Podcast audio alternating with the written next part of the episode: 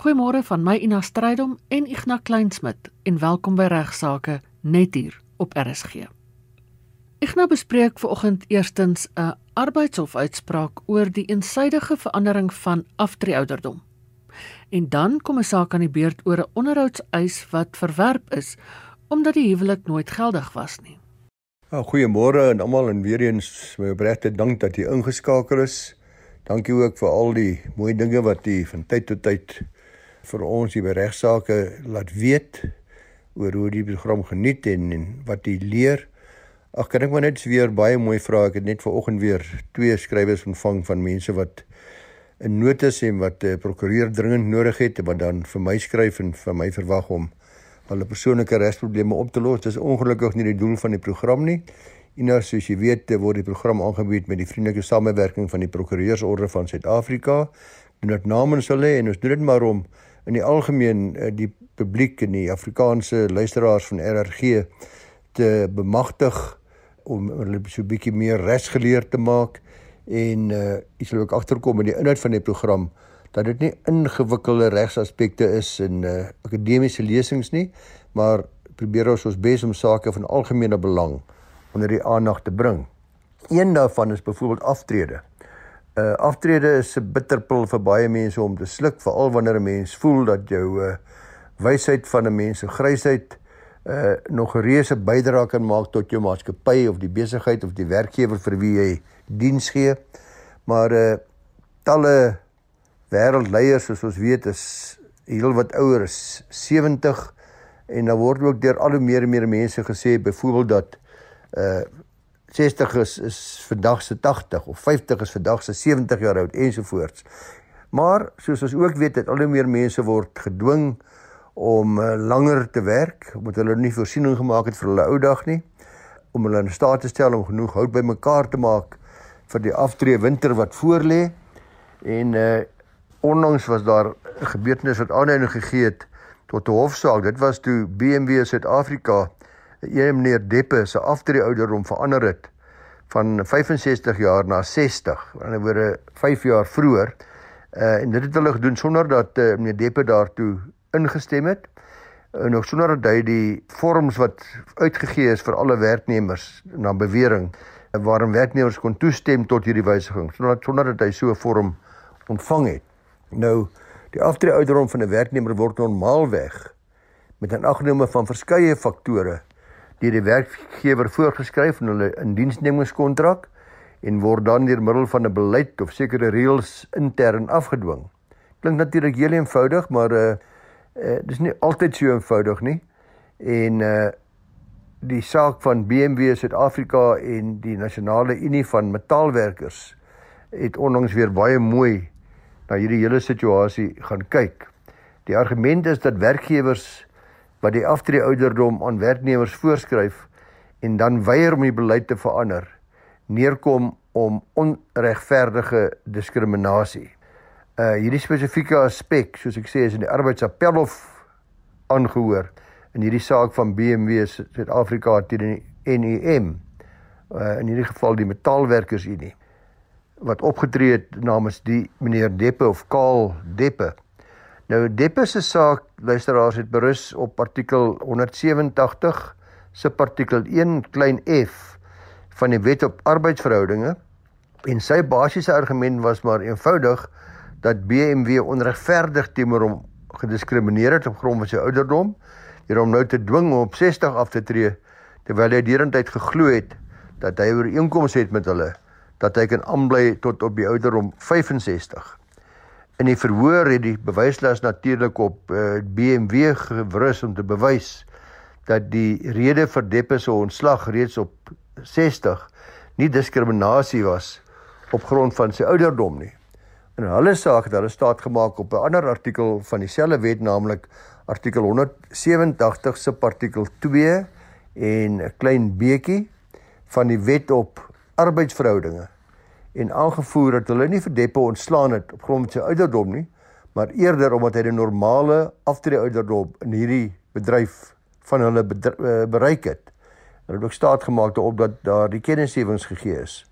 Die arbeidsappel of het egter bevind dat Deppe se ontslag outomaties onregverdig was ongeag BMW se verskeie argumente en die aangeleentheid is uitgestel om 'n uh, kwantum van meneer Deppe se skade vas te stel. So luisteraars, die effek van hierdie uitspraak is dat werkgewers nie werknemers kan dwing om vroeër af te tree as daar in as daar 'n baie duidelike indiensneming kontrak bestaan soos in hierdie geval wat die aftree ouderdom behoorlik gestipuleer het as 65 nie en sonder dat die werknemer daarna dan skriftelik daartoe toestem om vroeër af te tree nie. So as mens gesê het 65 dan bly dit 65 en dit kan nie 60 word nie behalwe as jy skriftelik daartoe toestem. Die vraag wat bly staan het is word die ouderdom wat voorgeskryf word in die kontrak geag as diskriminasie teen die werknemer? Jy moet daar voorsiening gemaak word vir hersiening daarvan sodra die werknemer hierdie ouderdom bereik. Ja, dis 'n vraag wat 'n ander hof dalk op 'n later stadium vir ons hopelik ook sal beantwoord. Nou nog 'n saak wat ek baie interessant gevind het en ek hoop ook vir u interessant sal wees, het gehandel met die paartjie wat mekaar in 2005 ontmoet het. Is ene Botha en Steyn. Hulle is in dieselfde jaar verloof geraak en kort daarna het hulle saam ingetrek. Hulle het baie gereeld uh, gereis tussen Londen en Suid-Afrika in 2007 hulle het goed gedink om in 'n seremonie in Londen, Engeland wat hulle gedink het 'n troue is aan te gaan.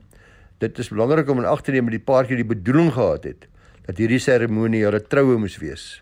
So alhoewel daar 'n seremonie gehou is en die paartjie het selfs ringe uitgeruil ensovoorts, kon dit regstegnies nie as 'n geldige troue geag word nie. Uh want in die paartjie se haas om die bruilof af te skop, het uh meneer Steyn die gaste op sy eie kostes Londen toe laat vlieg om hierdie makiet hier by te woon. Die haas het egter veroorsaak dat die troue nooit geregistreer was nie en die paartjie het nie genoeg tyd gehad om ook 'n geldige huwelikslisensie daar in Londen te bekom nie. Nou in 'n onlangse saak, eh, die uitspraak was onlangs gegee in die saak van Botha versus Steyn is 2021 uh, All SA 87 KZD is die regsposisie nou behoorlik uiteengesit waar getroude paartjies nie aan die geldigheidsvereiste van 'n troue voldoen het nie. So die vraag is eintlik kan 'n mens skei as jy nooit getroud was nie? Want die paartjie het wil terugkom na Suid-Afrika uh nadat nou getroud was en aanhalingstekens saamgewoon as 'n getroude paartjie as man en vrou. En die sprokie het egter net tot en met Desember van 2007 geduur toe die huwelik begin verbrokkel het. Weer eens huwelik hier in aanhalingstekens en in 2009 het die verhouding permanent geëindig. 5 jaar later in 2014 het die vrou wat die eiser in die saak was, litigasie stappe begin om 'n egskeidings geding aanhangig te maak en 'n dagvaarding op die verweerder ene meneer Steyn beteken daarvan was Botha en hierdie dagvaarding het sy die eiser gedagvaar vir 100 000 rand per maand onderhoud. Sy wel as aanspraak op helfte van meneer Steyn se netto waarde van sy boedel. Dis onderhoud plus 50% as gevolg van die huwelik binne gemeenskap van goedere wat sy aangevoer het wel geldig en regmatig gesluit was. Meneer Steyn het tydens die verhoor 'n Engelse prokureur as getuie geroep om as deskundige te getuig oor wat daar in Londen gebeur het. Spesifiek die prokureur wat die paartjie gaan sien het om hulle te raadpleeg in die feit dat hulle nie 'n huwelikslisensie kon bekom nie. Die eiser was terloops teenwoordig, dis nou mevrou Botha of mevrou Botha dan. Uh tydens hierdie gebeure en beide partye was deeglik bewus van die regsposisie. Tydens sy getuienis het die prokureur dit ook aan die hof gemeld dat hy die paartjie geadviseer het dat hierdie seremonie op die meeste as slegs 'n ek haal aan 'n blessing seremonie 'n uh, blessing seremonie geag kon word en dat dit nie 'n geldige huwelik daar gestel het nie. Hy het verder dit aan die hof uh, baie duidelik gemaak dat die paartjie hom genader het om inderdaad 'n saamwoon ooreenkoms op te stel wat dan hulle verhoudinge sou reguleer aangesien hulle beide goed verstaan het dat 'n geldige huwelik nooit tot stand gekom het nie. So die enigste punt wat nou bewys moes word luisteraars was of daar 'n geldige huwelik tot stand gekom het en uh, asof die prokureur se getuienis nie reeds genoeg was nie, het meneer Steyn verdere deskundige getuie in die Engelse reg gebruik En in haar getuienis het sy ook bevestig dat sonder 'n lisensie, 'n huwelikslisensie, daar geen geldige huwelik tot stand gekom het nie. Die hof het dus bevind dat uh, die eiseres se saak nie baie goed was nie. Ook gesê dat sy nie baie goeie getuie was nie en dat sy nie daarin geslaag het om die hof te oortuig dat daar enigstens 'n geldige huwelik tussen die partye tot stand gekom het nie. Inteendeel, sy moes daarvan bewus gewees het dat die huwelik niks meer was as 'n blessing ceremony nie. Die hof het bevestig dat daar dus nie geldig huwelik was nie. En omdat daar nie geldig huwelik was nie, kon daar geen sprake wees van 'n egskeiding nie. En omdat die daar nie 'n uh, geldige huwelik was nie, sou daar geen sprake van die eis van onderhoud of verdeling van bates nie. So die aangeleentheid is van die hand gewys. En nie net dit nie, die hof het ook uh, sy misnote kenne gegee deur 'n spesiale kostebevel, 'n bestrawende kostebevel teen die eiseres toe te staan. Ek het al voorheen op hierdie program gewys op wat die vereistes is vir geldige huwelik, veral ook waar dit nie in die buiteland uh, gesluit is en uh, En ek wil weer eens maar vir luisteraars vra, gaan sien maar die prokureur maak seker dat wanneer u uh, gaan in huwelik tree of dit nou in Suid-Afrika is of in die buiteland veral waar daar 'n uh, eh, seremonie is wat byvoorbeeld in die lug of onder die see of waar ook nog gaan plaasvind of by eiland iewers uh, op die strand om maar seker te maak dat u weet wat al die ander geldigheidsvereistes is om u huwelik 'n geldige huwelik te maak. Die gerammel in die agtergrond is 'n donderstorm in Rustenburg waar Ignaam bevind. Maar ons gaan voort en Igna verduidelik aan watter vereistes aanlyn dobbel moet voldoen om wettig te wees. Nou luister, as ek het nie idee hoeveel van u weet nie, maar nou vir baie lank tyd sedert uh, die regulasies van COVID-19 en die vervoerprobleme wat daarmee sou gepaard gegaan het en al die ander dinge, doen ons nie meer die opnames van uh regsaake daar by die ateljee's in Auckland Park nie, maar doen ek dit hier direk vanaf my huis of vanaf my kantoor in Rustenburg. Stuur dit dan vir Ina, daar word dit uh, so 'n bietjie geredigeer of na gekyk en seker gemaak dis reg voordat dit dan uh uit die lug uitgesaai word vir u. Nou by oomblik is ek nou besig hier in my huis, maar daar's 'n lekker weer buitekant. Dit reën te lekker hier in Rustenburg en ek hoop nou regtig nie al die geluide van die reën en die donderweer gaan te steurend wees nie en hopelik sal u hulle daarin slaag om dit so te redigeer dat dit uitgehaal kan word. Maar 'n bietjie iets oor aanlyn dobbel. Uh, ek dink dis op die oomblik 'n multimiljoen rand of eintlik moet ek dalk sê 'n multimiljard rand bedryf geword in Suid-Afrika. Veral gedurende die COVID tydperke het al meer mense terwyl hulle nie net kasinos toe kon gaan nie, begin aanlyn dobbel. Dit het definitief sonder twyfel baie gegroei en ek het seker ag 10 tot 20 vrae oor die wettigheid gekry van aanlyn dobbel in Suid-Afrika oor die afgelope jaar of 2. So kom ek kyk 'n bietjie daarna. Artikel 11 vir die nasionale dobbelwet 7 van 2004 bepaal dat geen persoon betrokke mag raak by 'n interaktiewe speletjie of dit beskikbaar mag stel behalwe indien dit deur wetgewing gemagtig word nie. Nou 'n interaktiewe speletjie word gedefinieer as 'n dobbelspeletjie wat gespeel word deur 'n deur 'n elektroniese agent oor die internet. Met ander woorde, geen persoon mag aanlyn dobbel of dit vir ander mense moontlik maak om aanlyn te dobbel tensy dit deur wetgewing gemagtig word nie. Nou artikel 8 van die wet bepaal verder dat geen persoon aan ongelisensieerde dobbelaktiwiteite mag deelneem of so 'n aktiwiteit beskikbaar mag maak in Suid-Afrika nie. So, moet wettig wees en moet gelisensieerd wees. Dit is belangrik om te verstaan dis dat dobbelaktiwiteite of soos hulle dit noem in die wetgewing interaktiewe speletjies wat in die buiteland geldig is, nie noodwendig dus in Suid-Afrika geldig sal wees nie.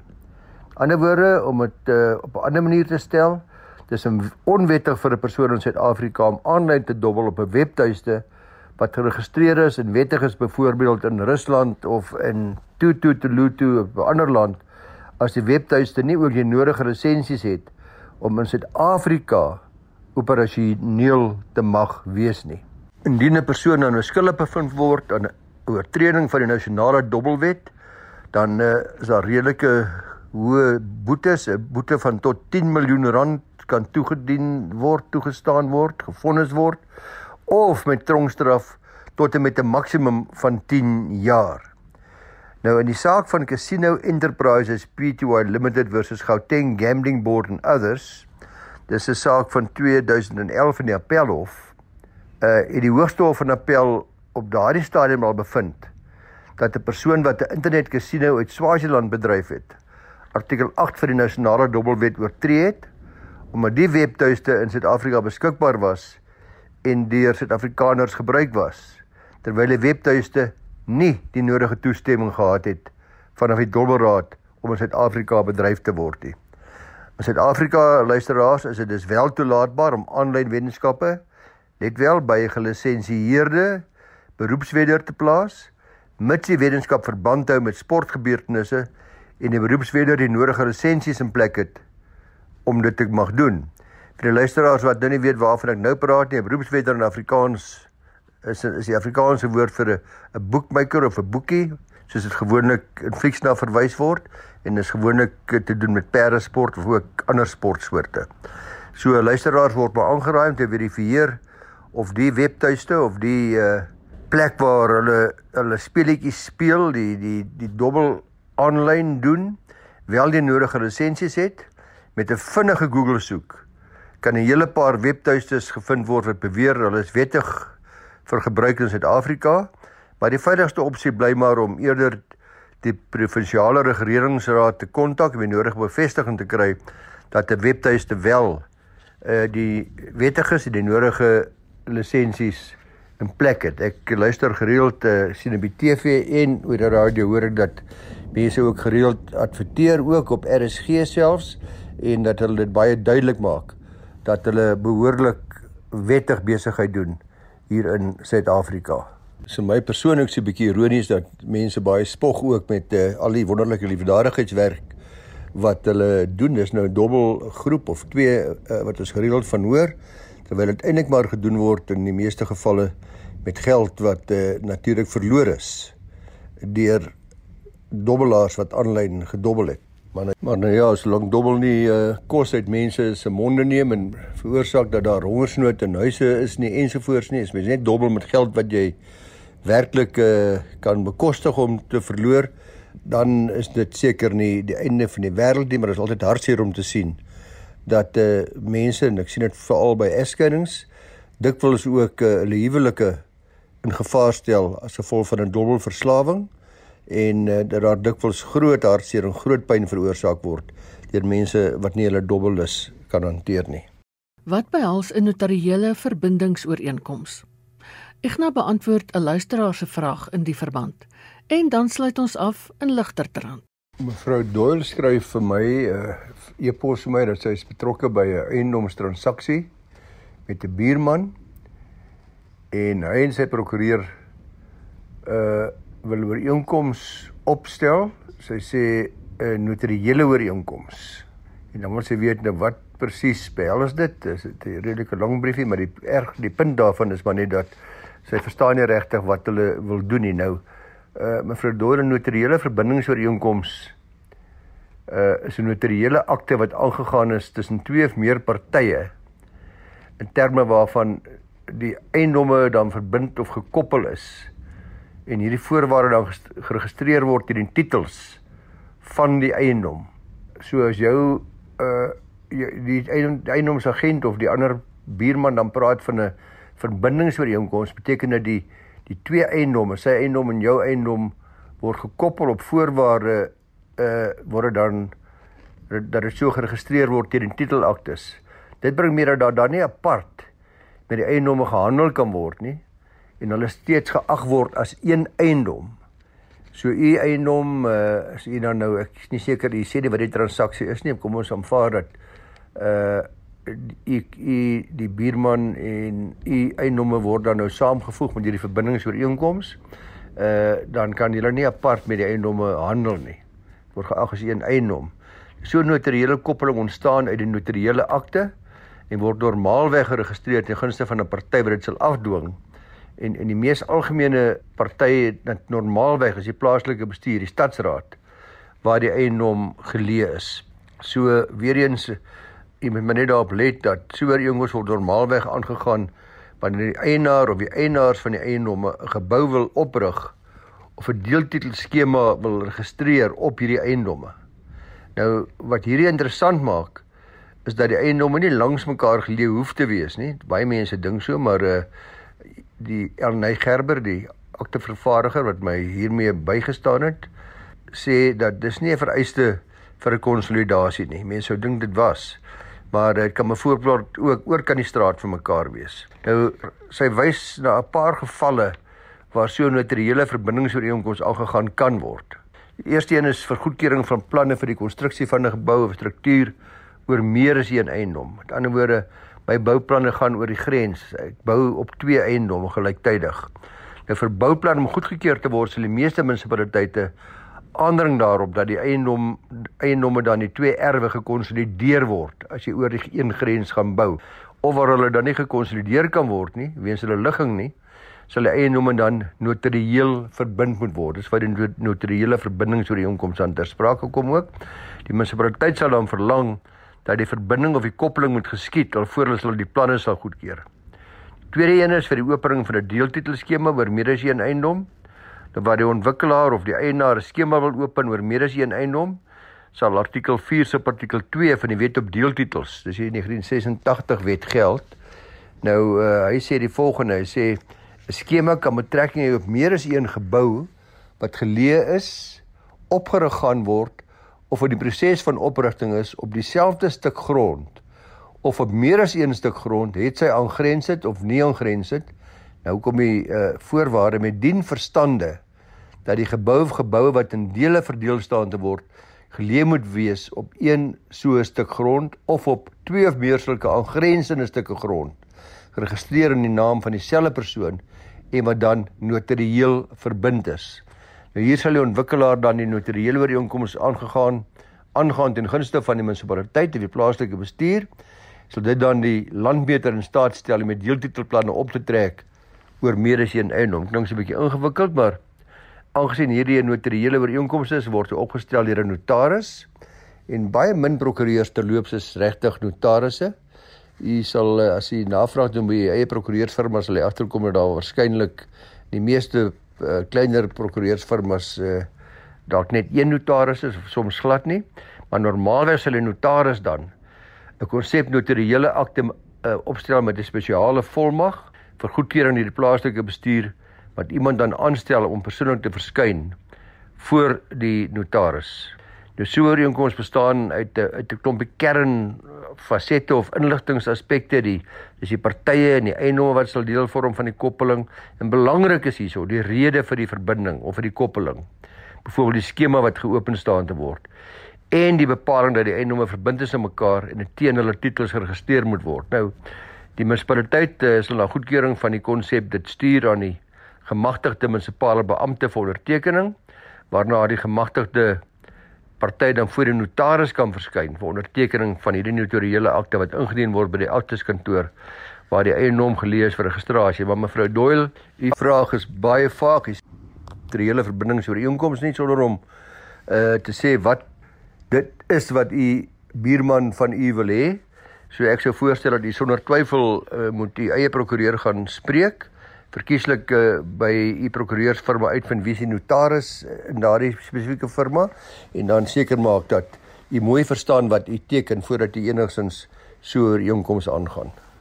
Afsluit u nou op so 'n bietjie van 'n ligter noot weer 'n storieetjie wat uit genade ele lagbare ons oud kollega Wyle Eon Wessels se boek Humor in die Hof en pragtige stories uh en ek is seker van dat u die boek nog kan kry by Lapa Uitgewers. In elk geval, hy sê Koen van Graan vertel vir hom die storie dat hy was eendag in die 1970s teenwoordig toe die aanklaer in die verkeershof in Parow die naweek se vangste dis nou uitgesorteer het. Dit was die spoedlokval in Fransie van Seylaan na Parow en die naam op een van die beheerstukke was JT Kreur. Daarbey aangegee was 'n nota van die verkeerspolisie-beampte. Hy sê uh, en lees as volg. Meneer die aanklaer hierdie A beweer hy is minister van justisie nogal. Jimmy Creer is natuurlik daai tyd wel minister van justisie te Creer. En uh in John Foster se kabinet nog en hy was nie bekend as 'n baie verdraagsame man nie, so ek weet nie hoe die disrespekvolle verkeersman se loopbaan verder verloop het nie. Maar dan uh, sê Joan Creer haar oom is gereeld van Kakamas af Parel toe ry om direksievergaderings by te woon. So gebeur dit dus dat hy meer as een keer op pad terug in die middel van die nag op daardie lang reguit pad deur die mensverlate vlaktes tussen Brandvlei en Kenhardt bevind het. Spoedmeters naalte dan 'n bietjie vinnig geklim soos hy haas om by die huis toe kom in een bitterkoue nag. Het 'n verkeersman wat met 'n gatsiemeter iewers 'n skuldige gevind het om laat stop. My oom het die venster afgedraai en hulle gegroet gewone gesprek het ontvou begin het meneer weet jy? Ja ja nee my oom sê die verkeersman beluister toe en toe vra hy vir hom rustig. Meneer jy lyk vir my iemand wat die wet ken. Nogal effens gevlei sê die verkeersman ja ja ja is so. Nou dan kan jy my sê is dit so dat die getuienis van 'n kranksinnige nie deur die hof aanvaar word nie verkeersman se bietjie gedink te sê ja, hy reken wel tog so. Ja, dit is so knik die verkeersman. Nou ja, dan weet ek, ek is los. Maar net 'n mal mens wil in die middel van die nag, in die middel van die winter met 'n gatsie met langs hierdie pad staan. Groete, lekker dag vir die almal. Dit is dan ook die einde van my tweede ronde by regsaake. Vanaf aanstaande week is dit Veronique van Heiningen wat regsaake sal aanbied. Baie dankie vir die voorreg. Ek het baie geleer. Totsiens.